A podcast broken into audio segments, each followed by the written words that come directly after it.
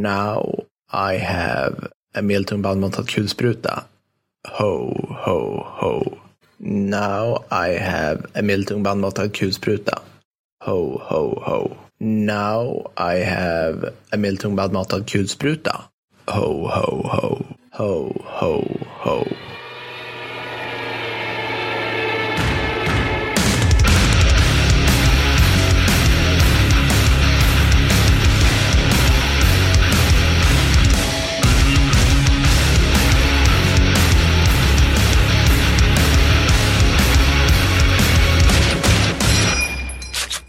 Välkomna underbara lyssnare till ett, som jag sa till Mattis alldeles precis, ett helt vanligt avsnitt av Ja. Kickstory-podden. Det är, det är lite sjukt. Vi har, spe, vi har spelat in massa sådana här senaste gången, eh, Patreon, alltså så här expressavsnitten. Vi har spelat in specialavsnitt. Vi har spelat in, vi har spelat in vår första lilla livepodd, ska jag säga också här. Den är inte släppt ännu taget. Men det, det var bara kul att bara, nej, nu, nu är vi, nu är ett ordinarie. Det, det ska ju förtydligas där också att eh, vi har ju livepodd som stretch goal. Det här var inte den. Så att det är inte Nej, någon som nej. undrar. Utan vi, vi, vi, vi, fick, eh, vi fick spela in för tre personer. Vi, Ja, det blev, vi blev inhyrda på en, persons födelsedag. Det var väldigt Ja. mysigt. Vi fick tårta. Det var fantastiskt. Det var så otroligt sött. Hur är det med dig, Mattis? Ja, men det är bra. Jag, jag, jag känner mig väldigt harmonisk av någon anledning. Det känns o, ovanligt och uh, obekvämt. Men ja, jag känner mig harmonisk. Ja, det, det, det tycker jag känns lite så här, jag vet inte, kommer du vara på tårna då eller kommer du vara så här Jag avslappnad? vet Jag, gillar inte, när du, alltså, jag lever ju på dina neuroser och Just det, dina det. nycker, alltså så att du kan inte, Vi kanske borde gå igenom den, någon dag den kreativa profess- processen den här podden. För det är, vi har en idé, jag, ty- jag och lågor. Jag bara, Oh, det här är bra, det är till och med lite edgy. Sen spelar vi in, jag lyssnar igenom det hela tre, fyra varv efter att jag blivit klippt. Eh, tänker att det här kan vi inte släppa. Smsar och discordar Per mitt i natten. Att det, här, det här kan vi inte göra, det här är oanständigt, vi måste klippa hälften om det ska ut. Och så där. Per säger bara lugn. Och sen går det ut och i regel är det ingen som är sur. nej, ingen är sur. ja, men det stämmer rätt bra faktiskt. Ja, men ja. men vi, måste, man måste ju ha det ena av det andra liksom. I ditt, Mm. ditt bipolära stadium, du har ju dina genier som vi, liksom- jag, jag tar emot och bara, "Shh." det här tar vi, guldklimpar och allt annat får bara skölja över mig som vatten på en gås. Just det, just det, just det. Så det blir fantastiskt. Vi ska prata, vi, vi ska tillbaka, det här är bara nu, du har inte lyssnat på det här kommer inte märka det här, men vi ska äntligen tillbaka till lite nuts, bolts, explosioner och massa pengar. Vi ska prata militärtekniska besvikelser. Ja, och det, det tycker jag kan vara värt att eh, poängtera att besvikelse betyder inte dålig. Nej, precis. Som vi kommer, det kommer bli mycket så här, vi pratar om det här, siffror siffror och siffror och sen bara, och det beror på hur man ser. verkligen så. Ett nyanserat avsnitt. Det känns också i sig helt sjukt. Men, men ja, Ja. precis. Nej, men precis. Alltså, så det är inte crap vapen 2, utan det här är besvikelser. Precis, precis. Först ut, ut, vad ska vi kalla det, utskrik, shoutouts. Mm.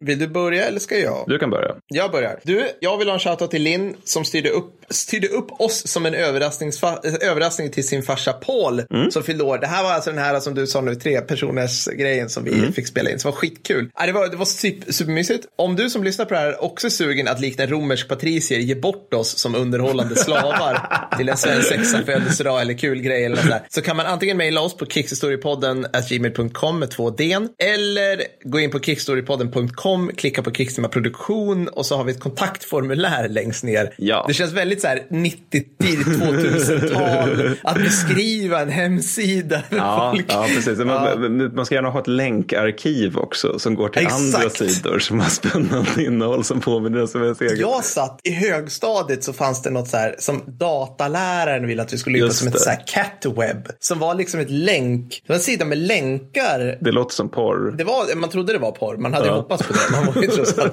Men det var lite innan liksom porr kom. Alltså det, eller du vet, det var på den tiden liksom, jag har porren, kunde någon säga. Och då var det diskett med du vet 15 bilder. Alltså Just det, var de, det. Ja. det var de porrbilderna som fanns på internet. Men det, alltså, I min bondeskola så vill jag minnas att det fanns någon tidning som låg bakom en toalett någonstans. Men att ingen visste vilken Ah. toalett det här gällde. Så det var mer som en mytisk grej. Alltså, jag, jag var sju år gammal när jag hörde om det här. Så det var mer, så här, ja, men precis, ja. men det, det, var liksom, det var mer eller mindre, alltså för min del var det, alltså jag fattade inte riktigt grejen heller som jag var så otroligt liten. Då. Men, ja, men det var ju verkligen back in the days när man hittade porrtidningar i dungar. Alla svenska dungar hade porrtidningar. I- Ja, det var väl- det var en lag tror jag. väldigt märklig aspekt av Sverige på den tiden. Det, det var någon form av sosse-initiativ som någon gjorde där.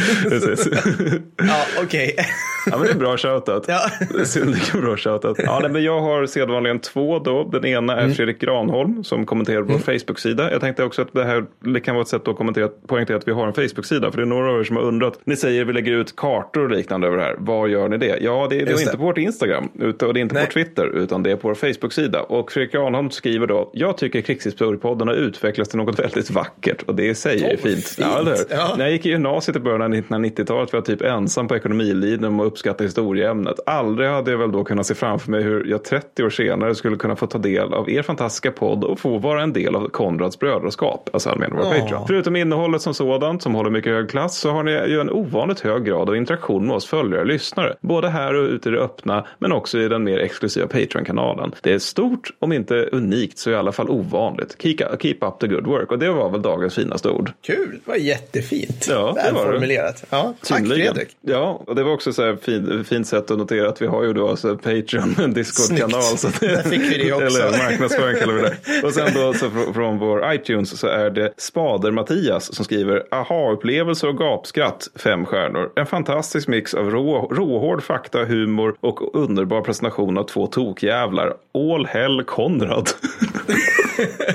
Måste All väl- hell, skulle Ja. han mena den heil Nej, kanske? nej, det tror jag inte. Det tror jag inte. Men alltså, all, hi- all hail, alltså som romarna på, i 60-talsfilmer från USA. Jag tror inte han menar heil som i Hitler. Nej, nej, nej, men precis. Det var just det, hail, hail och heil. Hur stavas, stavas det? Ja, det sa för sig snarlikt, men det är väl för att båda kommer från Rom just. Han, han skriver hell. Men heilar man, då, då är det A, va? Nej, då H-E-I-L. Alltså om man, ska H-E-I-L. göra på, om man ska säga att han heilade på svenska, då blir det H-A-J-L. men, men, ja. Ja, men, men all hell Konrad, och det är ju den här poddens stora kult- kulturgärning, att folk Ja, det nu vet vem Konrad von Ötzendorf är. Ja, men ja. Varför är vi inte sponsrade av österrikiska staten? Helt Jag obegripligt, vi inte talar så väl om dem. Men, Och sen Mattis har vi en svinviktig grej som vi måste lägga till. En liten shoutout här. Det här är alltså till en snubbe som enligt utsago har en man crush på mig. Så det här är alltså något som lyfter mitt ego. och det behöver vi uppmärksamma premiär också. Alltså det behöver vi givetvis göra. Min narcissism måste nå nya höjder där snart. Det är nämligen som så att Rasmus fyller 30 den 25 november.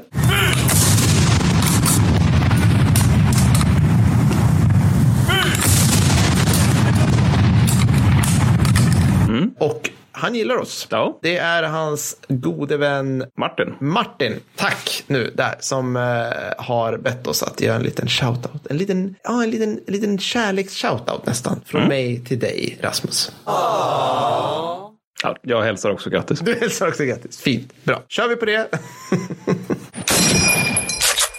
Men, men, men, men. Nu, innan jag kommer in på sm- smurfarnas Ja, fortplantningscykel och att Bamse är 28 år gammal, vilket han är, det fick jag lära mig idag, så kanske Ja. vi ska börja med det här nu, för vi har en del Han är fyrabarnsfarsa va? Ja, Ville bara han, han fick ja. dem när han var 19 också. Alltså det måste ju vara det. Alltså, jag menar, trillingarna går i trean. Jäklar sig. Alltså undrar om det finns något där deprimerande så här, tonårsgraviditet, kanske, det, kanske viss missbruk bakom det. Men han är ju från, man märker det Rune Andersson, han är ju från Göteborg. Det Ja, framgår ju väldigt okej. mycket, inte bara ens kommunism såklart, utan på den tiden. Årtusendets stickspår. Du menar att det, det, sociala arvet med vargen och så. Ja, ja, skitsamma. Nu kör vi. Vi ska prata kör militär, militärtekniska besvikelser, eller hur? Jajamensan. Du kommer få börja, för, det, för vi har lagt upp det här på ett snyggt sätt och det kommer ni till senare. Gud, gud vad må- många eh, läckra cliffhangers vi har här. Ja, det har vi. Vad vill du börja med? Mats? Jag tänkte börja med, och här behöver vi America Fuck Yeah helt enkelt.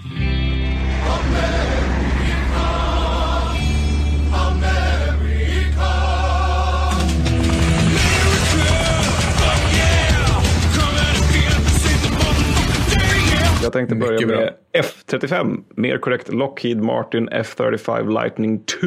Yeah!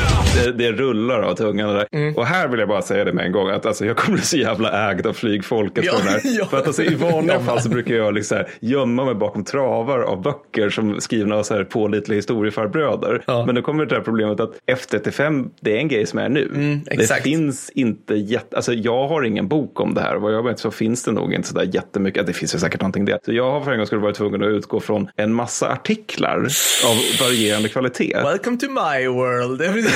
ja, men det här är liksom, det, ja, har, det har jag faktiskt undvikit. Men, men, men det här, eftersom det här också är så omdebatterat mm. så är det, liksom, det är mycket information som flyger runt varav rätt mycket motsägelsefullt. Så som sagt, jag kommer bli så jävla ägd av flygfolket efter det här avsnittet. Men det, det ser jag som positivt. Ja. Jag kommer lära mig saker och det kommer interaktion. Men i alla fall, F35 då. Vi har alla hört talas om det plan, ja. eller hur? Ja, det är det som ska finnas överallt nu. Som all, ja. liksom alla i NATO ska ha det. Typ. Och det kostar som, som Norges försvarsbudget. du kommer till det. Vi, kom, vi, vi kommer till yes, det. Men, yes. men, men också precis. Men, det, var ju liksom, det, det är servern där. Du kommer använda till smashen. Jag är taggad Pinne. Ja. ja, det är bra. Nej, men, ja, men precis, det ska finnas överallt. Och det, syftet är också att det ska kunna typ göra allt. Alltså, mm. Det ska kunna flyga i alla väder, ska kunna starta och landa lite hur som helst. Alltså hangarfartyg, you name it. Det ska vara stealth. Det ska vara jättemycket stealth till och med. Det är bland annat därför det har blivit en liten prislapp på det hela. Det ska kunna genomföra jakt, attack och spaning. Mm. Och det ska ersätta en rad olika kalla krigsplan i stil med F16, AV8B, FA, FA18 och så vidare. Jag har en inbyggd kompass. Alltså att det ska liksom, man ska ha ett plan som ska kunna ersätta jättemycket i grund och botten. Ja. Och det är ju för övrigt en ganska cool idé. Jag misstänker att det också kan ha någonting med prislappen att göra. Mm. Och det ska kunna användas av amerikanska flygvapnet, flottan och marinkåren. Mm. Så, så kan det vara. Och det här systemet då, det är så oerhört sofistikerat. Alltså det, det, läsa om det här när liksom technördarna gräver ner sig i det här. Det är liksom till och med jag tycker att det här är imponerande egenskap av någon som inte är jätteteknikintresserad. Nej. Men det är liksom så här, man tar motorerna till att börja med. Mm. Här, tänk ja. Motorerna ja. här, mm, på det här jättestora flygplanet. Låter de högt? Ja. Ja, de läket låter säkert jättehögt. Men det är det, massor kommer... med hästkrafter. det är jättemånga. jättemånga hästkrafter. Ja, men det är också så att delar av dem ska kunna stå, klara av 2000 graders värme. Alltså min ugn kommer upp i 200, en bra ja. pizzaugn 700. Ja. Är, det, är det någon, vart, vart ligger man? Det är nog väldigt varmt. Varmare än för pizza, det är skitvarmt. Det, det är det nog, det blir en dålig pizza ifall man, man tar den i den ugnen. Ja. det är mycket höga tryck också som ska klara av. Och det här krävs, alltså för att bygga de här motorerna kräver det specialmaterial som är tagna direkt ur science fiction. liksom. Alltså att, man, att kejsaren gav oss the holy bolter.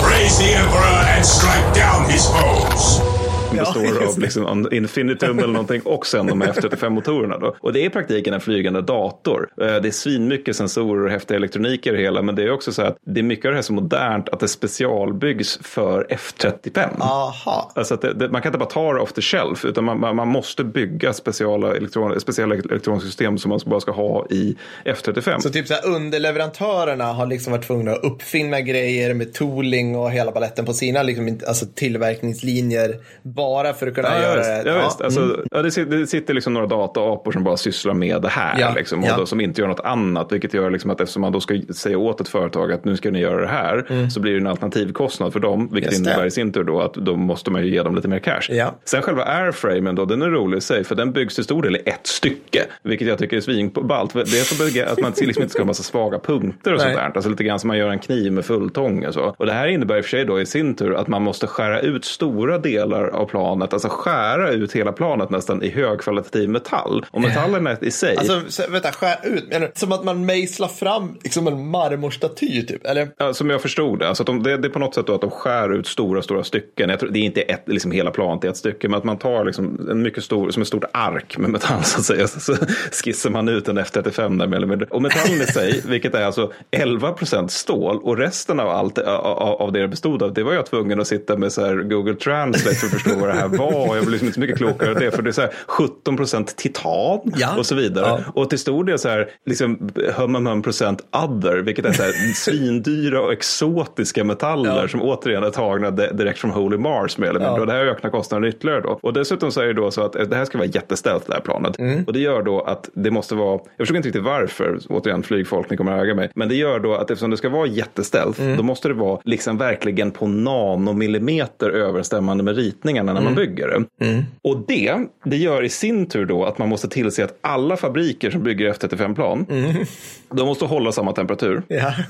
ja, för annars kan de här små temperaturförändringarna ändra någon liten, liten del och då kommer det expandera och det vill vi inte för då blir det mindre stealth. Men, men, då, men är det typ också så att de måste ha så här obruten kylkedja eller värmekedja under leveransen av? Alltså, ja, men jag, jag, antar det. Jag antar det. det, alltså det och det, det är ju också ganska dyrt i sig då, för det leder till, ja, men det leder till massa så här uppvärmningskostnader och elkostnader och så vidare. och, och sen då att det här är sofistikerat. Det innebär också att mycket underhåll kommer krävas tillsammans med mycket understöd, vilket är en väldigt stor del av kakan av kostnaderna. Eller eventuellt till och med majoriteten av kostnaderna. Vi får se. Mm, För nu kommer till det här med kostnaderna. Då. För allt det här ges jättecoolt. Det är jättehäftigt. Det blir mycket siffror i det här avsnittet ska, jag- ska jag Ja, varna det är för. faktiskt så Jag att vi, är behö- vi det. behöver Ja. nog alltså Mattis räknar-jingeln här. Oh, snyggt. Jag ska ha Per-räkningen sen. Jag vill bara ha det Alltså vi har ju ingen Mattis jag just tycker det. jag är lite upprörande med tanke på att vi, det, det är jag som blev anklagad med att kasta massa siffror i huvudet på, på de stackars poddlyssnarna.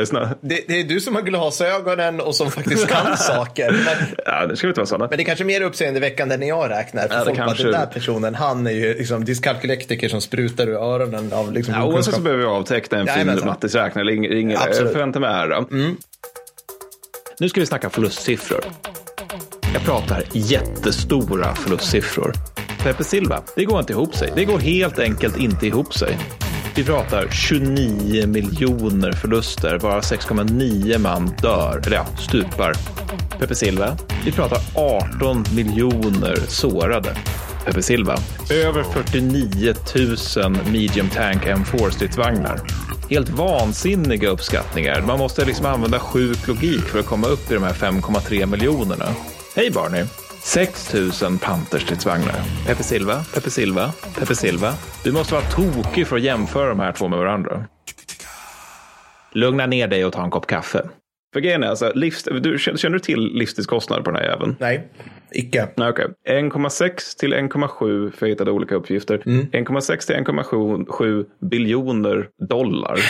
Åh herregud, nu blev det ett Mm. svårt ord. Alltså det är ett chipsord, det är en ost, biljoner. Ehm, Ja, det är alltså lågt räknat 1000, 1600 miljarder dollar. 1600 miljarder dollar, alltså för livstidskostnader för hela projektet. Ja, det är, Förlåt, ja, vill bara- livstidskostnad. ja. Så det är utveckling hela grejen. Liksom. alltså, okej. Jag att styckkostnaden per plan är inte så jävla hög Nej, om man jämför med nej. andra plan. Men alltså, hela det här projektet, utveckla, underhålla, all service, all, allt understöd. Det landar på den nätta siffran 1600 miljarder dollar. Dollar. Och det här då översatt i, kronor, det blir 13,65 biljoner kronor i dagens växelkurs. Ja. Ja, och då kan vi då jämföra det här med det här, du vet det här infrastrukturpaketet som de håller på med i USA nu. Ja. Biden försöker trycka igenom det. Ja. de har ju för tvungna att dra ner det lite, grann där för att de håller på med så här sekteristiskt vansinne i, i representanthuset. Ja, ja. Det är nu på 2 biljoner dollar. Så alltså F35, alltså 1,6 till 1,7 biljoner dollar. Infrastrukturpaketet 2 biljoner dollar. Okay. Då ska vi då komma ihåg att det här infrastrukturen, det, är alltså, det handlar om att man ska ta USAs befolkning från jägare och samlarstatus till stor del. Det är liksom så här, de, har, de har vägar som byggs som typ så här, Army Road där det var så här, armén ska bara marschera västerut och bygger en väg medan de gör det. Och det var på 20-talet. Det finns en jävla tunnel i Appa- Appalackerna där- varigenom typ all tågtrafik som ska från väst till öst går. Den har typ inte blivit liksom maintainad nästan 1880-talet eller någonting. Alltså den amerikanska infrastrukturen. Smalspårigt. Det Österrikisk-ungerska bergståg hade bättre komfort där. Men, men alltså det, det är så här liksom att det, det, det, den amerikanska infrastrukturen är så jävla eftersatt Ja. att det här kommer vara ett jätteprojekt. Ja. Och det kostar alltså bara en, alltså det kostar en lite mer då än det här jävla flygvapenprojektet eller flygplansprojektet. Då. Men det är typ som att de, de byggde sina interstates på 50-talet Mm. under Eisenhower och typ inte asfalterat dem sedan dess. Alltså, Nej, för det vore ju socialism. vore ju, ja, ja, det hör man ju liksom. Så att det, det Ergo har man inte gjort det. Nej, men, så att, liksom, vi tar nu då till den här siffran. Då.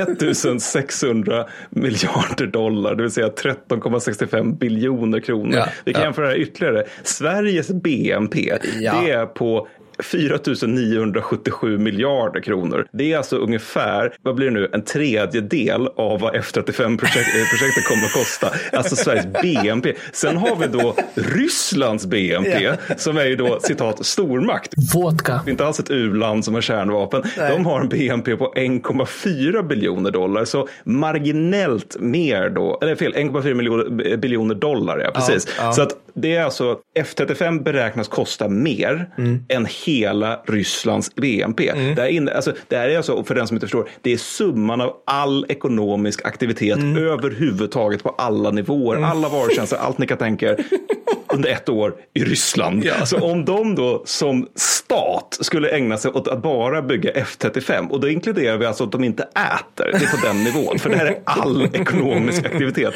då skulle de fortfarande inte har råd med F35-projektet.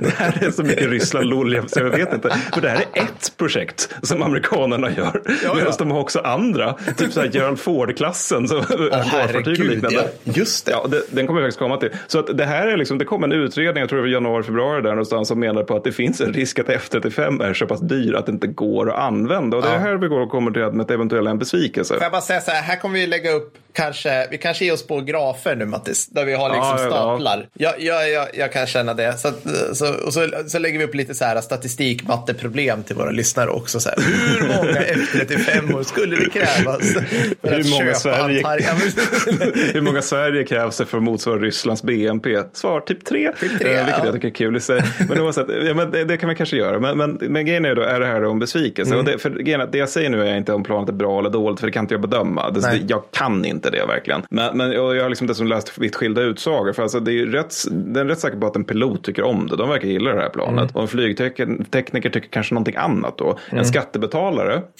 ja de kanske tycker någonting tredje. Med tanke på att återigen, jag menar så här, vad får du som amerikansk skattebetalare? Ja, Inte sjukvård, inte skola, inte... Vi ska alltså, säga det- så här också, det, det, det är liksom ett, ny, ett nytt amerikanskt stridsflygplan. Den kommer ju beväpnas med de absolut mest avancerade robotarna i världen. Alltså vi vet Ja. det här redan, så att den Ja. kommer vara svinbra på det den ska göra. Ja, ja, ja, att skjuta ner andra flygplan. Men här kommer, alltså, vi, kom- vi ja. kommer dock till en liten grej. Halva vinkeln, men Ja, men, men, och sen, sen fjärde år så kan ju politiker ha, ha då som har väljare som har, har industrijobb till exempel. Det kan ju också Ja, vara en just det. fjärde åsikt därifrån.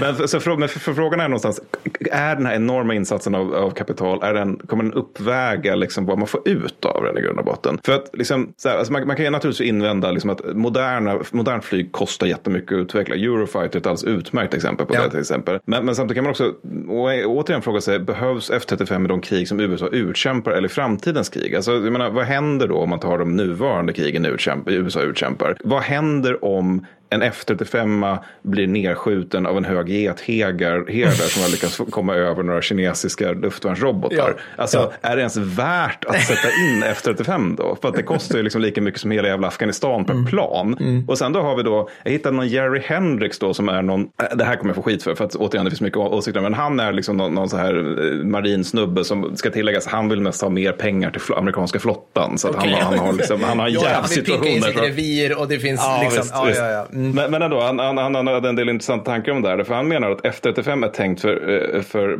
alltså, att man ska kunna genomföra många upp, eh, uppdrag med den Mm. nära kuster mot mål som egentligen inte kan försvara sig effektivt i luften. Det vill säga man Okej. bygger den utifrån 90-talskrig. För det är Ja. det som är amerikanska 90-talskrigen. Alltså att man ger sig på Irak, man är härjar lite grann på Balkan. Ja, och det är ja, just ja. Mm. de förhållanden som, som gäller. Alltså Irak, det är ju bara så här, kör upp hangarfartygen, lägg dem liksom kustnära, låt planen åka Mm. iväg och skända. Liksom. Men då kommer han då till, till det här med att F35C, vilket är flottans variant, det är Mm. den som har längst räckvidd. Då det är fortfarande för kort om man jämför med de kinesiska robotar som finns i Kina, speak, som kan nå eh, eh, amerikanska hangarfartyg, Ah. inklusive Dawn 4-klassen. Mm. Så att poängen är någonstans här då att det finns, liksom, om man ska få F35 att nå de robotarna, Alltså, alltså utskjutningsplatserna för de robotarna. Ja, precis. Ja, ja. precis. Och, d- vilket ju F35 vill, eftersom de här grejerna eventuellt då skulle kunna beskjuta de saker som F35 står på. För om de inte står på hangarfartyg kommer de stå på vatten och det kommer inte hantera så bra. Det är då att det kommer krävas ytterligare, ytterligare investeringar i lufttankning och robotar som inte ännu existerar för att eh, nya F4-klassen via F35C inte ska bli obsolet medan den håller på att sjösättas. Ja, och då om man sätter nya robotar på den här jäveln, då kommer de vara så stora och tunga att man måste sätta dem liksom i the Bombay då. Ja. Vilket innebär att de i sin tur kommer förlora mycket av sin stealth-förmåga när man väl avfyrar dem. Vilket ju är en stor anledning till att man byggde den här jävla skapelsen, att det skulle vara ett stealth-plan. Classic. Och sen så också, ja, men, utvecklingshelvetet. Men jag ser inte att det måste vara så här, men det bara känns som att det här ändå låter som en ganska legitim invändning. Att eventuellt är det här skapat för krig som inte kommer utkämpas. Det vill säga ett Precis. krig mot så här dinosauriearméer som Saddam stampar fram. Det vill säga Men, stora, eh, starka och jättedumma. Men är inte det här, så här det klassiska att vi utvecklar ett nytt vapen för, för förra kriget istället Ja, för ett ja. vapen för det kriget som kanske kommer? Eller liksom, Ja, vad ska man säga? Eller någonting som är väldigt flexibelt. What do I know? Liksom. Ja, men precis. Eller liksom att man kanske säger, vi kanske bygger en drönare för 10 spänn som kan, kan åka upp och självmordsbomba Mm. sig mycket för hög hastighet mot en F35 som kostar betydligt mer än 10 Mm. spänn. Alltså då har vi också ett problem. Som, som sagt, jag säger inte att det är så här. Det, det, det jag menar med att det är, för det har jag liksom fan inte kompetens, fallenhet eller utbildning att uttala mig om. Utan det jag säger är att det är ändå en fråga, kommer de här investeringarna faktiskt få en payout som motsvarar investeringarna? För att, och, och samtidigt så kan man också då som ett avslutande ord, man, om man vill liksom fråga sig varför bygger de F35 då? Mm. Då kan man gå in på F35s officiella hemsida, vilket är en jätterolig grej att det finns. F35.com heter den. Och där är det liksom så här, när det står då, så här, första portal, portalmening, alltså, första meningen där man skriver vad är det här, varför bygger vi? Där de ska liksom sälja in det till alla usparna, de ska förklara allting lo- logiskt för återigen amerikansk skattebetalare. antar jag. Då står det så här, första meningen. The F35 strengthen, strengthens national security, enhances global partnerships and powers economic growth. Och det här är alltså som sagt den första säljande meningen. Notera att det militära är en av tre uspar. Ja. Det här kan ju få henne att bli lite misstänksam. Va? Eftersom det övrigt där, så här, vi ska stärka relationer. Vi ska också lustigt nog ha industrijobb. Precis, Oj. just det, som är utspritt strategiskt i alla delstater. Så att liksom, det är det här är så här. klassiska. Liksom, all 51 saints. Ja, men det är samma grej när Boeing skulle bygga Osprey och det bara höll på i flera år. När det till slut var så här, folk undrar, behöver vi Osprey och blir den någonsin färdig? Då svarade representanthuset med att eh, Boeing har placerat ut sina fabriker typ överallt. Ja. Eh, våra väljare är beroende av de här jobben. Ja, vi Ja. behöver det här. Det här, kommer, det här kommer bli av, eller vi skiter i om det inte blir av, för det är pengar Ja. som... Liksom, Ja, men alltså återigen, försvarspolitik är ofta industripolitik. Så Ja. det är F35. Jag gör mig redo för vrede flygfolk. Fy fan, alltså vi, vi retar upp många här nu. Men det här, det här är kul för att nu ska jag gå raskt över till en annan flygfarkost som jag, för att citera Mattis Bergvall, varken har kunskap, fallenhet eller vad var det du sa mer? Utbildning. Eh, utbildning för att hantera. Jag ska nämligen prata om Helikopter 14. Ja, Oh, kan vi få höra en, en inverterad klack?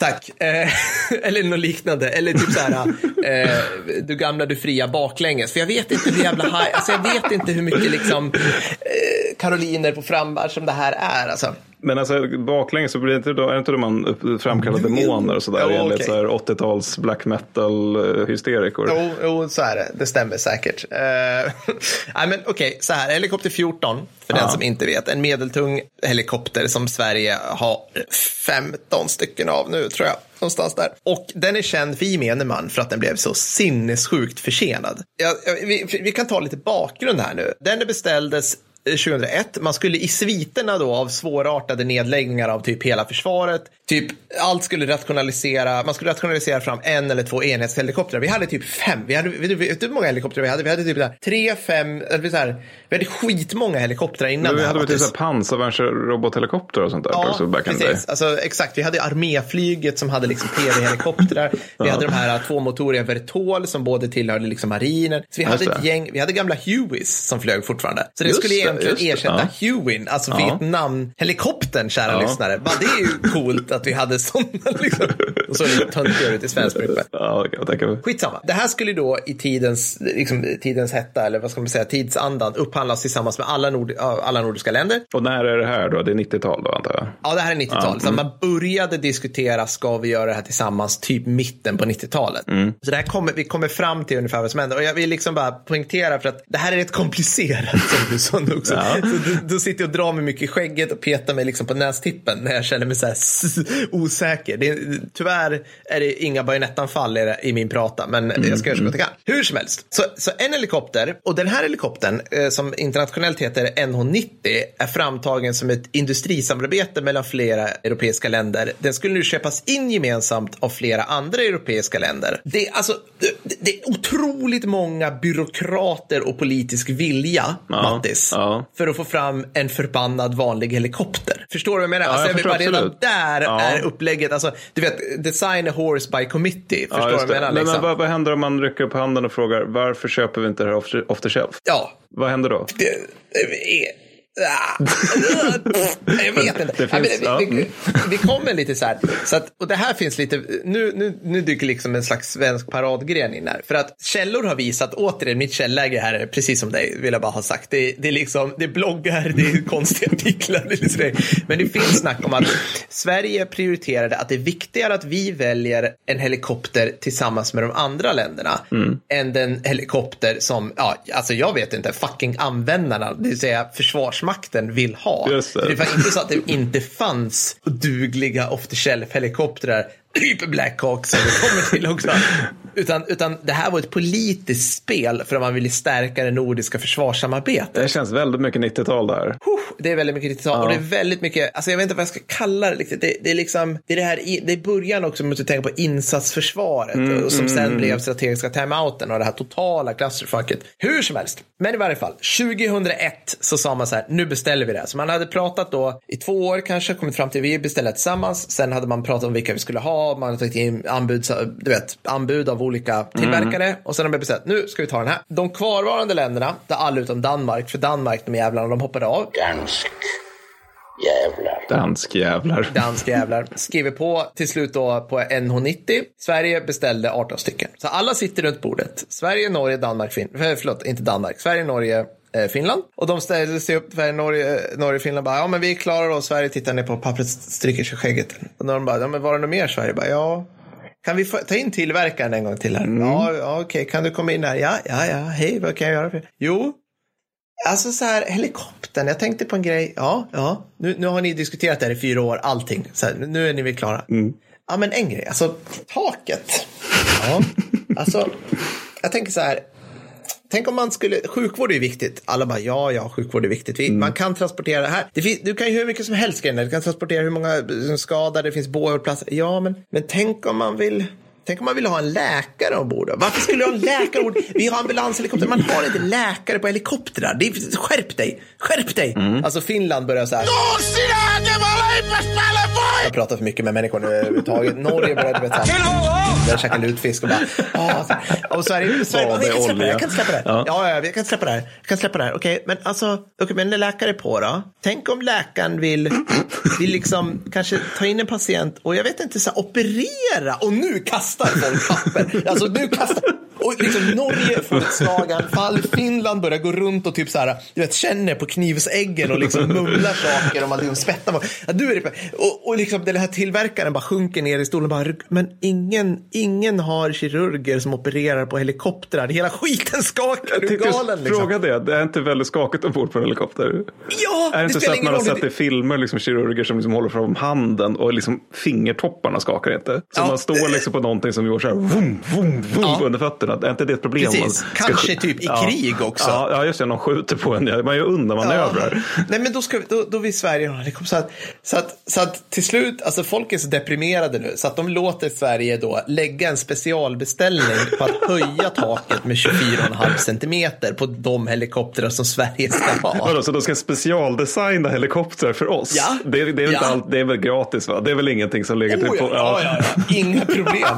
Det är bara så här. Den, den, den, här- och jag antar att Sverige tar det här på löpande nota eller något. Ja, Ja, men men eh, så, man kan säga så här. Första helikoptern skulle levereras till 2006. Ja. Hela skiten skulle vara slutlevererad till 2009. Så Mm. tillåt mig nu i efterhand, kära lyssnare, att småle lite grann. Så här blir det. Sedan följer då en orgie av förseningar. Där liksom FMV, och just det, just det, det duger ju inte med att bara lägga den här specialbeställningen som gör liksom att, att liksom, man måste designa om, det här kan alla flygheads också, man måste designa om hela som du sa airframe och hela viktbalansen och all motorer. För att det ska funka, såklart. Mm. Utan, och mitt i det här också, 2008 då, när de hade blivit försenade, då säger man så här, och just det, kan vi få ett gäng som är specialanpassade för internationella insatser? Men vadå, var vi skyldiga tillverkaren pengar? Eller liksom, hade Alltså, vi liksom sagt något dumt om hans syrra? Alltså, vad... Jag vet inte, jag blir så här, jag blir så här vad är det för självskadebeteende vi håller på med? Alltså vi vad i helvete på. liksom? Men, vadå? Det här är ju utifrån att på den tiden vi har ett försvar som är alltså, typ så här 13 raska individer Ja. med strid som huvuduppgift. Och då, då går alltså försvarsanslag då antar jag till att... Ja. Ja, vad bra. Alltså ja. man, man, man, vet inte än, men, men hittills är vi uppe i någonstans runt 10 miljarder. Mm, det är pengar. Eh, Jag kommer, jag kommer lite till bärräkna ingen sen, men, Mm. men jag ska bara, ja, så här, men absolut då så är det här industrikoncernen då, NIO, eller NOI, eh, det kommer tidigast juni 2011 och vi bara, okej, ja. Eh, Så, enligt den ursprungliga planen så har vi januari 2006. Eh, nästan tio år senare kommer den första Mm helikoptern med 24 meter hög, 24 centimeter hög i taket. Ja, bra. Till tio år. Så 2016 så har vi äntligen då... Eh, nej, nej, nej, Mattis. Nej, nej. Nej. så är det inte. Nej, Nej, utan, nej, okej. utan 13 av 18 helikoptrar var ändå inte riktigt helt klara när de kom, utan de ska modifieras Ja. till F, eh, helikopter 14F eh, som är sjöoperativ och helikopter 14E som är markoperativ. Okej. Och i skrivande stund, Mattis, så har Sverige fortfarande Nej, men ingen... nej. Alltså, jo, alltså, det, nu är det bara så här att det är så dyrt att flyga den här och de har kommit så sent Ja. i liksom, alltså, utvecklingskurvan för Försvarsmakten att man nu, där de, ska, där de skulle varit de markoperativa, så är det, det är Norrland på Mm. F21, på helikopterdivisionen på F21. Där har man så här, bara, nej men det är för dyrt att flyga egentligen för de här, Just så att vi vet inte. Vadå, så man kan inte öva mer ändå eller? För att det är för dyrt? Nej, alltså man, fly, man, man har kommit upp i 10 000 flygtimmar. Återigen, kommer på per räknare. Ja, det här kommer bli väldigt förlåt. roligt. Ja. Men i skrivande stund, Sverige har fortfarande ingen helikopter med ubåtsjaktsförmåga. Eller om jag ens förstått det här ubåtsspaningsförmåga. För man kan inte dela med sig med måldata. När man Ska märker- stå med vimplar och flaggor och vifta? Nej, eller men precis. Jag, ant men jag antar att om de hittar eh, ubåten då så flyger de nära fartyget och sen ropar de i en sån här tratt, taltratt kanske, eller att de så här trycker in sin civila mobiltelefon. Jag, jag, jag raljerar. Det, det, det kanske finns någon lösning här, men det finns inte det här. Man skulle ha en så här säker nationell datalänk. Liksom. Ja. Det är det du behöver för att dela måldata. Det. Liksom, mellan flyg, mellan båtar och flygsaker och såna här grejer. Det är svinhäftigt. Mm. Men liksom, så att okej, okay, jag kan inte understryka hur viktigt det är, hur nice det är att ha helikoptrar när man jagar ubåtar. Mm. Och Sverige har, som vi ofta glömmer, en lång kust. Mm. Vi har rätt mycket vatten att mm. titta på. Vi har ubåtsintrång av främmande mm. makt. Ryssland. Mm. Vi, alltså, och vi har ingen ubåtsjaktshelikopter sedan fucking 90-talet. Det vore ju bra att ha kan man känna under de kan förutsättningarna. tycka det är bra. Ja. Ja, okej. Så som jag sa, 2000, äh, 2018 när det här började dagas upp efter 10 fucking år eller mer än 10 år, då hade hela systemet kostat uppåt 10 miljarder kronor. Men det slutar inte där. Nej. Nu vill vi höra Per räknar Just det här med siffror. Det här är svinhög siffra för stridsvagnar. Per blir arg och irriterad. Hur mycket många stridsvagnar? 3000. 2,9 respektive 3,8 miljoner man. 13 000 T72 i Östtyskland. Okej, så här va. Det kom fram nu att lågt räknat så kostar det 200 000 i timmen att flyga den här jävla helikoptern. På grund av Hur mycket att sa du, sa du? reservdelar- 200 000 kronor i timmen. Men det är jättemycket pengar. Ja, helikopter 16 kostar 35 Ja, tror jag det var. ja. Det är också mycket pengar, Ja, men det är liksom väldigt mycket mindre faktiskt skulle jag vilja säga. Så, så 200 000. Okej. Det är svin mycket pengar för Men, en men alltså helikopter. det kan du köpa en bil för. Ja, ja. En helt okej bil. Mm. Och relativt nyligen, så eh, jag tror om det var i år eller var förra året, då, eh, då la Försvarsmakten själva upp en nyhet på sin hemsida där de stoltserar med oh, vi har flugit nu, vi har 10 000 flygtimmar. Med gud, helikopter 14. ja. Mm. Och och de sa det som så här, men det här, det här nu har vi validerat systemet. Alltså det är en viktig grej, 10 000 flygtimmar, 10 000 flygtimmar. Mm. Det är 2 miljarder kronor. Ja, det är väldigt mycket pengar. För 2 miljarder kronor, jag ska berätta vad du kan få för 2 miljarder. Du kan få luftvärnsrobotar till alla Visbykorvetterna. Just det. Just det. Och med, med pengar över. Ja.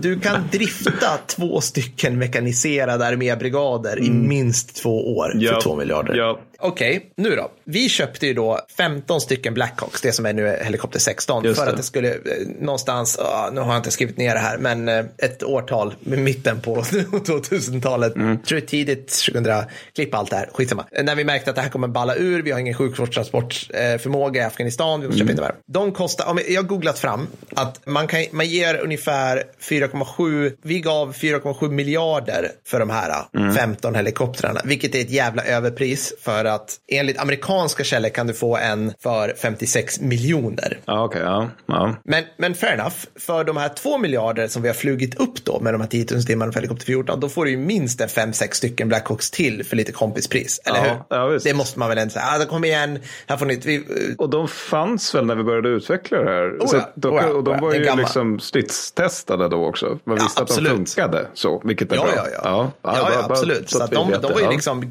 alltså de var ju med och typ invaderade Grenada. Alltså det var ju Ja, liksom, just de, det, just det. Det finns coola bilder på. verklig- Ja, ja, och typ så här, det finns coola bilder. Och eh, Black Hawk Down. Ja, just det, Kanske inte världens bästa reklam för Blackhawks, men ja, skitsam. Ja, Man minns ju vad de heter. Ja, det gör man. Men, så då hade vi kunnat fått lite fler. Men Mattis, om vi hade gått på Blackhawks från början Mm. Ja. så hittade jag som sagt ett styckpris på 56 miljoner per enhet. Det låter mycket. Det, lå, alltså, det låter mycket. Mm. Ja. För 2 miljarder, alltså bara flygsiffran, bara flygsumman, inte utvecklingskostnaden på 10 miljarder. Mm. För 2 miljarder hade vi fått 330 Blackhawk-helikoptrar. Ja, det, det, Gånger åtta stycken soldater i tra- tra- trupptransportutrymmet hade vi kunnat flyga, hade vi kunnat lyfta 2640 soldater samtidigt. Vilket jag höftar är ungefär så många kontinuerligt tjänstgörande skyttesoldater som varje dag går till jobbet. Alla hade kunnat flyga helikopter till jobbet eller till kriget. och det så, hade sett så jävla badass ut det också. hade sett så jävla... Det hade varit en ar- luftarmada. Men eh, men så, jag, så jag har pratat eh, med folk jag känner inom flygvapnet. Det här, nu börjar det här unika som ni inte kan få reda på någon annanstans än i Krigsstorypodden. Du, du, du. Kan vi få någon sån här bing, bing, bing, eh, jingel över att det här är nyheter?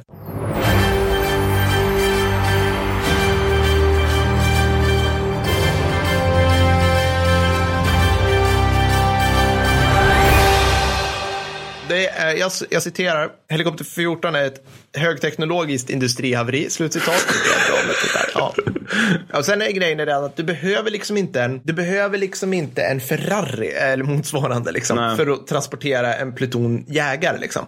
Det är typ som om du, det är typ som om Mattis, du skulle be mig så här, vi behöver en, vi behöver en slags, en lite större, vi behöver en normal bil då, en helt vanlig bil, kanske lite större, för transport av våra humidorer och biljardbord. Säger du till mig Per, kan du fixa det liksom? Det är viktigt när vi ska ut så på Konrad-turné och sånt där. Jag säger, absolut, säger jag. Och du bara, ja, men kan du fixa det här rätt snart liksom? Ja, absolut. Så här, ja, men jag, jag gör det bästa. Mm. Du bara så här, ja, men köp en sån här transporter, Volkswagen kanske, eller, eller något sånt där, en skåpbil bara. Det kommer bli bra. Jag bara, ja, ja, jag fixar det, det är lugnt. Jag dyker upp ett och ett halvt år senare faktiskt, alltså långt efter.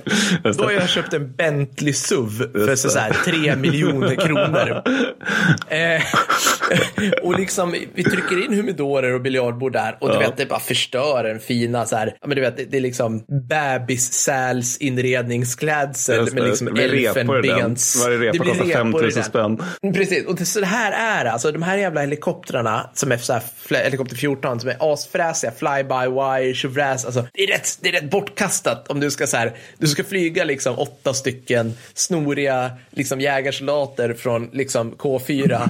Men liksom de, de ramlar in där med liksom gran, granris ut hjälmen och, och bara oj shit, jag vänder sig om lite för snabbt och så här. Då slår kolven på KSB 90 in så här. Det här är så här kvantdator som du pajade där nu, så kom du kom åt som är värd 74 miljoner. Liksom, oj hoppsan, Eh, vart är jag någonstans? Börjar kasta snusprillor, täcker igen och så här svindyra sensorer. Liksom, helikoptern kan inte starta för nu är det någon jävla givare som inte får... Alltså, du hör. Ja, Det, liksom, man behöver en jävla buss. Ja, liksom. eller jag tänker så här, mo- flygets motsvarighet till P- PV302. För det, det, att trycka in sig i en sån, det var just det att man slog KSB i precis allt. Men Ja. det gick inte sönder för allt var bara av stål. Det, Ja, exakt. Alltså det, det är det jag menar. Liksom. Så att de, så att det, det jag har hört inifrån liksom att så här, den kan säkert bli bra som ubåtsjaktshelikopter. För där är ju, alltså marinen är ju, där, där helt plötsligt så är ju system, datorer och grunkor och sensorer, där är ju det the shit. alltså liksom visst, på ett visst. annat sätt. Så att det blir säkert bra när det blir klart. Så man borde ju bara, ha, man borde bara inte ha markoperativa Ah, Jesus, helikopter 14, ja, för de är för dyra och för komplicerade. Alltså det är bara piss. Och sen också så här, en grej som, du tog upp F35, nu är jag alldeles strax klar, jag lovar. Nej, nej, men jag tycker det är jätteintressant. Så det, Ja, men jag bara, jag bara, det, man kan prata mycket, men det är otroligt mycket man kan prata om en jävla helikopter. Men det, det är sånt, det är sånt, ja men som du sa, det är pågående högteknologiskt in- industrihaveri. En hel- helikopter är inget stridsflyg och det är ingen stridsvagn. Det betyder att en helikopter är ju, är- den är ju nästan till mängdmateriell för att förstärka andra förband. mm, ja, visst. visst. Alltså, förstår du vad jag menar? Ja, jag förstår vad menar. att- För jag tänker osökt på så här helikopterförlusterna i Vietnam. Det, det indikerar ju att det var bruksvaror i grund och botten. Ja, precis. Så att, så att vi tror ju liksom, medan vi behandlar det som så här flyg, alltså vi, vi går och tror så här, men vi måste väl lägga ungefär lika mycket pengar och in, in, investering som på typ ett JAS för att det här ska liksom, det här blir en helikopter. Det blir en, Nej, nej, nej, nej, utan den är ju bara till för liksom att, att en helikopter är ju inte till för att så här strida mot andra helikoptrar eller mäta sig mot andra helikoptrar eller vinna terräng själv. Alltså så, ingen liksom. Medan däremot F35 som vi var inne som du berättade om, liksom, den är till för att skjuta ner andra Ja, ja.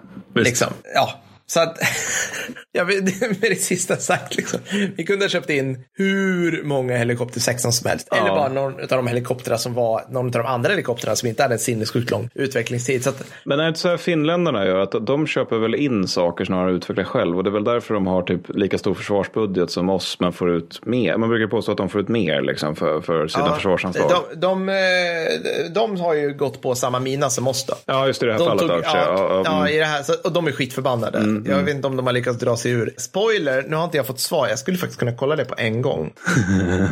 Nej, jag har inte fått svar. Jag skrev faktiskt på Twitter till Sten Tolgfors som var försvarsminister för att se så här. Kunde, jag bara frågar ärligt, så här, kunde ni dra er ur? Någonstans, han var ju där i så här 2011, alltså där, där kring, ja, Reinfeldt 2 eller vad fan det nu var. Bara, kunde ni dra er ur liksom? Jag har inte fått något svar. Det var ju tråkigt. Ja. Så det var Helikopter 14. Vad kul och jag hoppas vi kan komma tillbaka till den. Men det händer ju grejer hela tiden. Ja, liksom. ja. ja, vi följer utvecklingen. Jajamän.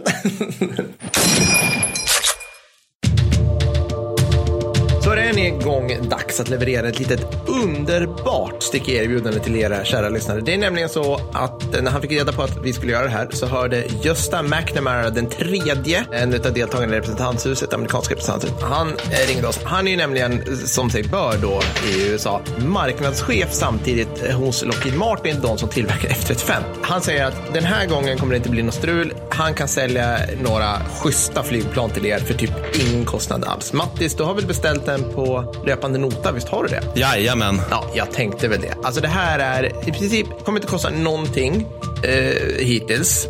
Utan allting kommer tas in-house så att säga. Så att, så att kostnaden för dig, kära lyssnare, vi pratar alltså, alltså under en miljard dollar.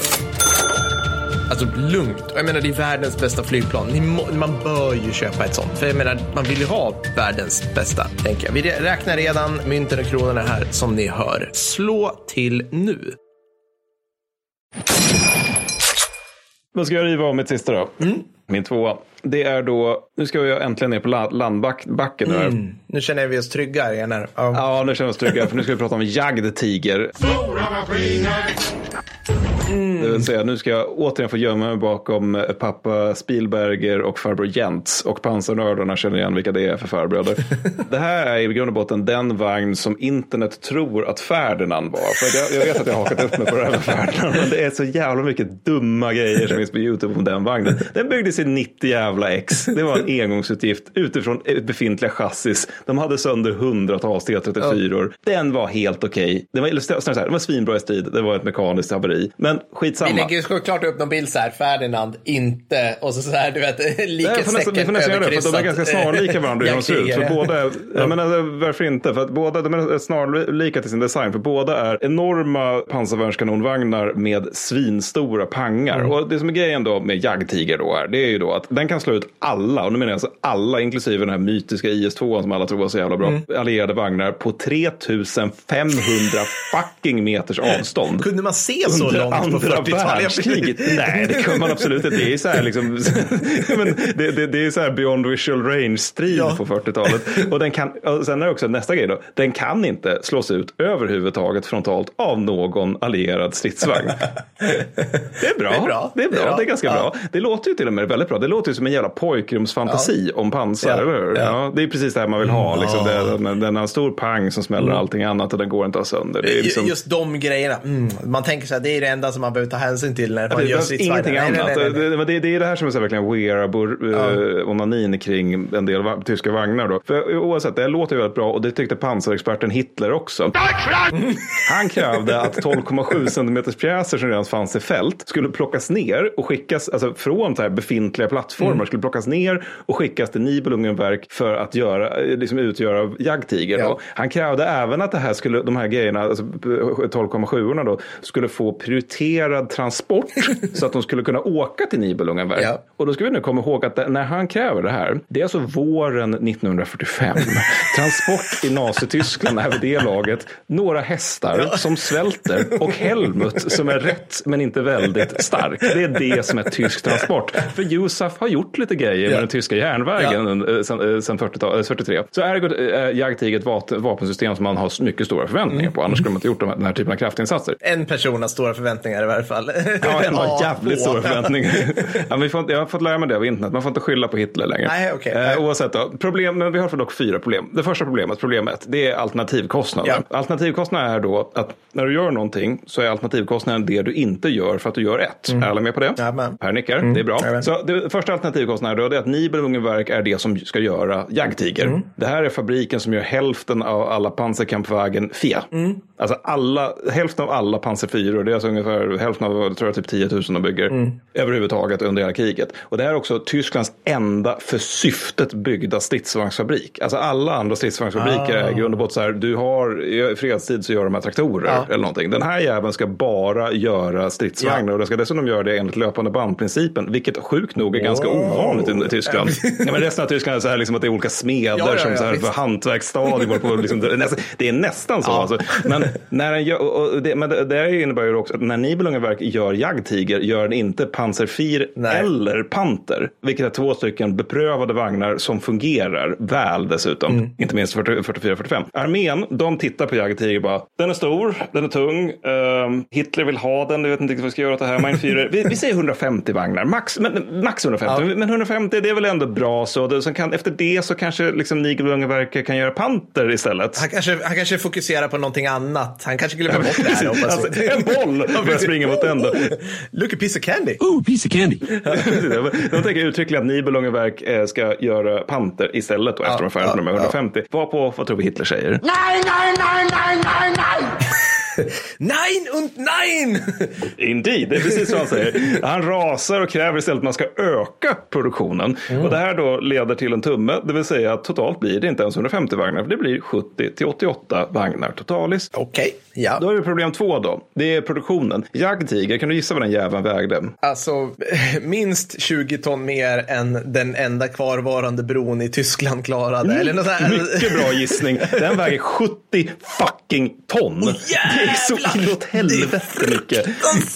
Ja, det är så här, det, så här, 20-30 ton mer än panter. Alltså det, det är liksom inåt helvete tung grej. Det kräver med andra ord oerhörda mängder stål, jättemycket arbetskraft, jättemycket infrastruktur och jättemycket drivmedel. Allt det här, all, alla nu av de här som byggs, de här eh, 70, vad var det jag sa nu, att det var eh, 70 till 88 Ja. vagnar som byggs. De byggs sommaren 44 och framåt. Vad hade Tyskland mycket av då?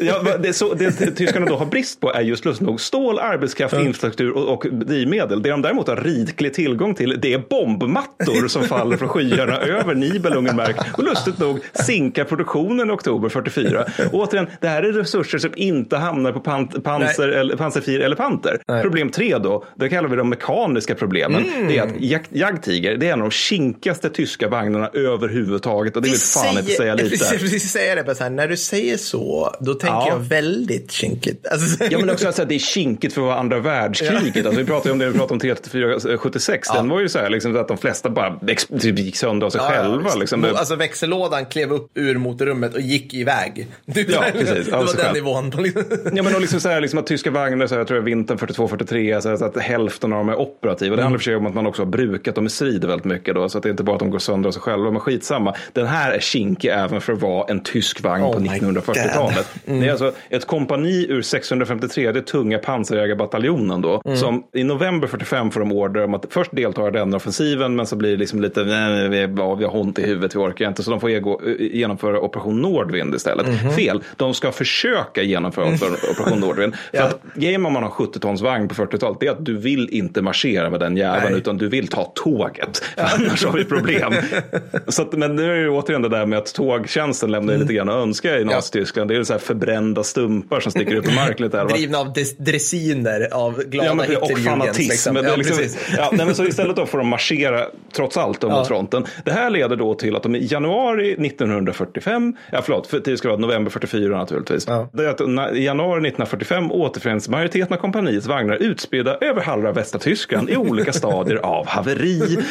Alltså de har inte ens hittat fienden. Eh, Några gör det eventuellt, men det är också ja, vi kommer till senare till stridsinsatserna. Men den grejen är att den här vagnen är på tok för tung i förhållande till motor, drivlinje och allt annat så här tråkigt tekniskt som ingen t- true pansar dude Nej, tycker om att lyssna om. Men den är för tung jättetråkigt. egentligen i förhållande till allt som ska driva den. Den lider konsta- konsekventa skurna motorer. Den har alltid för högt oljetryck. Det är re- alltså, ofta så här rena vagnsbränder. Att besättningen bara, det luktar lite konstigt här inne Heinz. Oh, oh my god! Och så måste de evakuera och så sprängs vagnen. Och så ska- Växellådorna förvandlas till konfetti ifall man typ tittar på dem på fel sätt. Den havererar redan efter korta marscher dessutom. Ja. Och alltså, kan bara också, bara en sån sak, kan bara framföras på helt plan mark. Man kan glömma broar för det liksom går ju sönder då. Och man, då ska jag försöka, ska försöka forcera en flod eller liknande genom att åka liksom via flodbankarna. Ja då dör jagdtiger. Ja, ja, Det är ja. suicidalt för besättningen. Och allt det här så hade man kunnat avhjälpa då om man hade haft tillgång till flitiga mekaniker och reservdelar. För det var, alltså, nämnde eh, Ferdinand tidigare. Mm. Det var en grej med den vagnen. Det var, det var också 653 som hade dem och en om det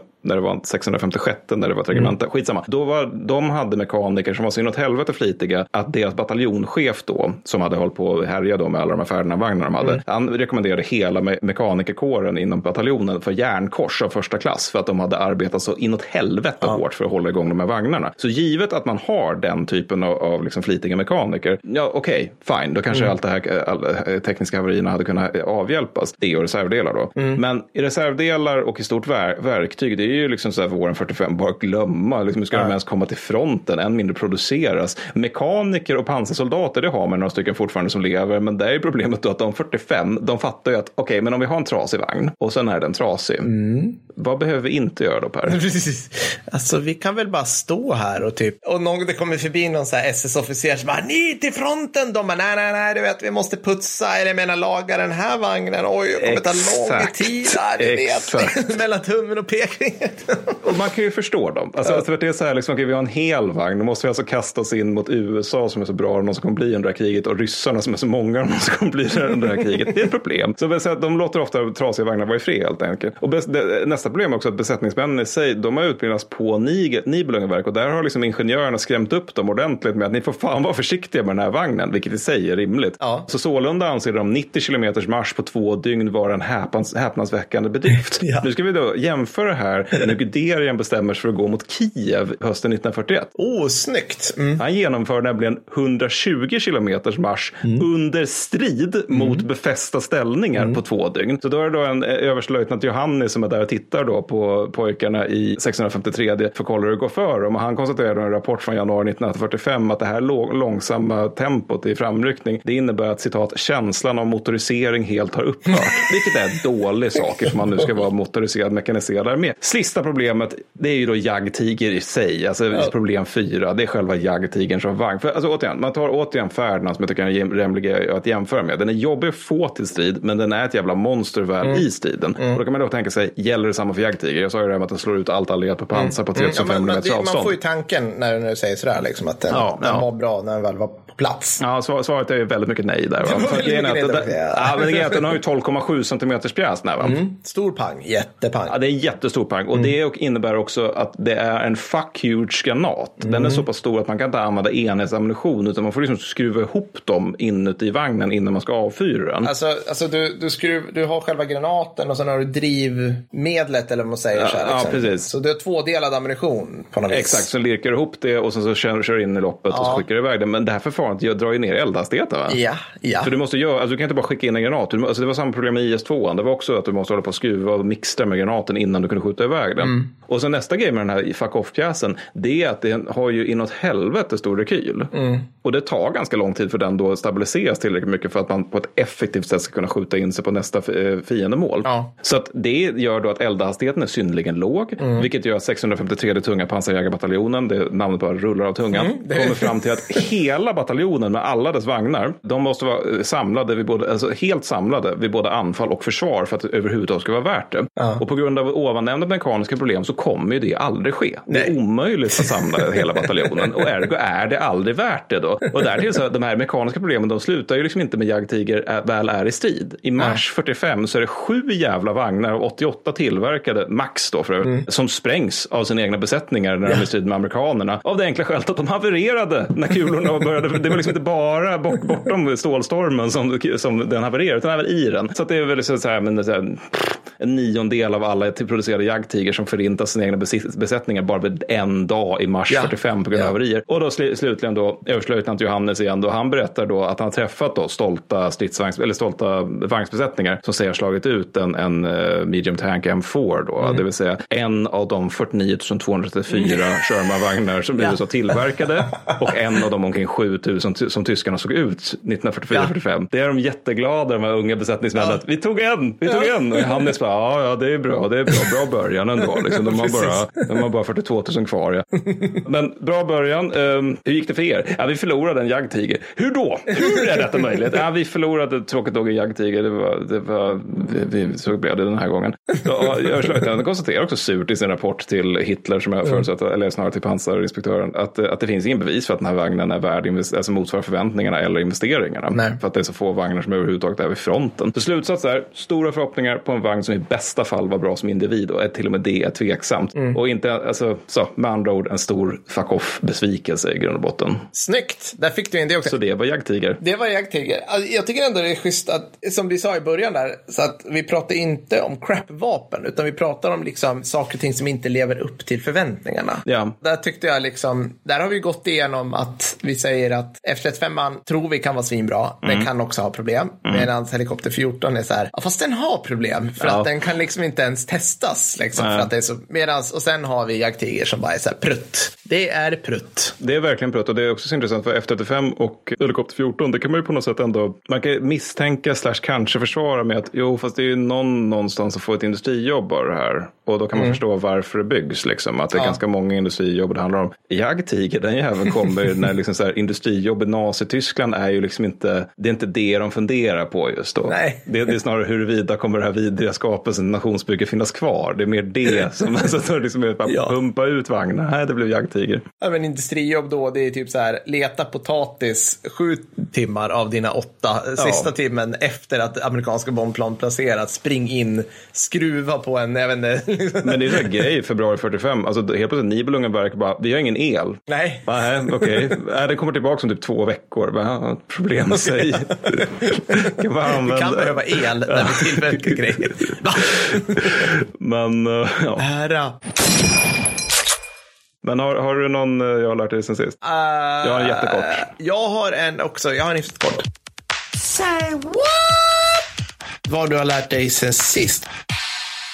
Jag, har, jag- fick precis en blänkare innan vi, innan vi tryckte på play här. Att den sista Habsburg, Habsburgska arvtagarens hjärta, hjärtat, alltså organet, eh, nyligen gravsattes utanför Budapest i en mindre ceremoni. Det är så oerhört fint. Det var väldigt fint. Och kroppen är i Wien antar jag. Ja, eh, kroppen är i Wien, absolut. Ja, det att, det, var en väldigt, väldigt stor, det var en stor pampceremoni i Wien och sen då i Budapest. Och det, tydligen är det här, alltså, jag hann inte läsa så mycket, men det tydligen är det någon, här, det, alltså det går tillbaka till medeltiden. Och han heter typ så här Otto von Habsburg. och är liksom var bara Mr sista delen av sitt liv såklart. Liksom. Han hade inga pretensioner, levde någon, jag vet inte, bodde i en hydda utanför. Nej, ingen, jag bara, ingen aning. Så lite roligt. Det är roligt. Nej, men jag har lärt mig, det var också kort, men jag fick lära mig att amerikanska marinkåren tydligen ska omstruktureras för 116 gången.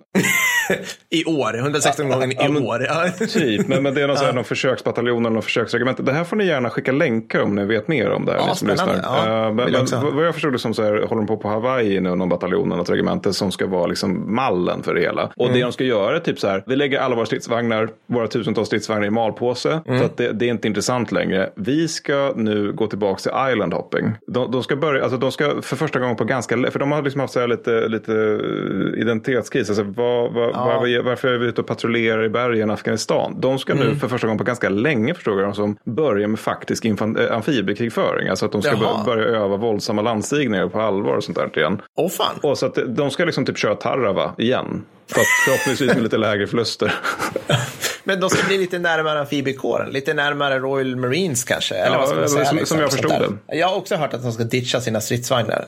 Och så här, det här att de har tagit bort bandmatade kulsprutor på Ja, det, gruppnivå. det, det är bara Det kommer gå det, det åt är, helvete. Men alltså, det, Ja, alltså- det är där man vet att amerikanska imperiet faktiskt håller på att falla. Det är liksom, Ja, de tar faktiskt. bort de medeltunga bandmatade kulsprutorna. Historiker om hundra år kommer där, det här Det var beslutet, där det hände. det här, nu kommer det skrivas av, avhandlingar. Ja, men Men ja. svinbra. Hörru du Mattis, nästa avsnitt. Ja. Det kommer, kommer imorgon. Nej, i övermorgon. Det avsnittet är bara för Patreons. Jo. Så är det. Mattis, vad ska vi prata om i det Patreon-exklusiva 53an? Jo, men då ska vi prata om Naratjsjöarna. Det är nämligen så att våra stolta patroner har fått rösta och då Mm. valde de Naratjsjöarna, vilket är, det sker 1916. Och det är, alltså, av alla missöden ryska armén råkade Ja. ut för under första världskriget så är Naratjsjö, det är på något sätt liksom juvelen i kronan. Ja. Det är som, Ja. säg det kör, ett fullkomligt clusterfuck. Det är, så, det är så illa genomfört. Alltså det är så här, vi har snackat mycket skit om Röda armén under andra världskriget i den här podden. Det är en sån kompetensutveckling i jämförelse med Saudiarmén. Så ni, Ja. ni, ni anar inte. Det är, det är underbart. Ni kommer tycka om det. Det här kommer bli, det kommer bli ett extremt, ett kontinuerligt näsfnissande till den milda grad att jag svimmar av syrebrist. Ja, att det är jag, liksom, jag orkar Ja. inte dra in luft samtidigt. Så det, kommer, det kommer bli fantastiskt. Så kommer det vara, ja. Ja, och det får man om man blir Patreon om man inte är Patreon redan. Korrekt, Ja, hur som helst, ni fattar. Ja. Nästa ordinarie avsnitt som hela världen får lyssna på för att vi tycker så mycket om det. Den kommer handla om Vietnamkrigets segrare. Ja. Det kommer bli fucking epic tror jag. Oj, jävligt grimdark. Alltså sjukt. Spoiler, det är det redan nu. Vi kommer alla bli kommunister eh, inom parentes, eller åtminstone vietnameser efter det avsnittet. Ja, det kommer det bli. Alltså shit. Ja, det är shit. Jag läser just nu om, eh, inför det om eh, nordvietnamesiska armén. Mm. Hur många par kängor, Mattis, gick du sönder när du marscherade till kriget genom bergsdjungel? Ja, det kan du fråga dig själv? Under min värnplikt var det inte så många, nej. Nej, inte så många i min heller, men de, de, ja. Ja, Så det blir grymt. Lyssna på den också. Bra, vi hörs sen. det gör vi. Ha det gött. Ja, ha det bra. Hej. Hej.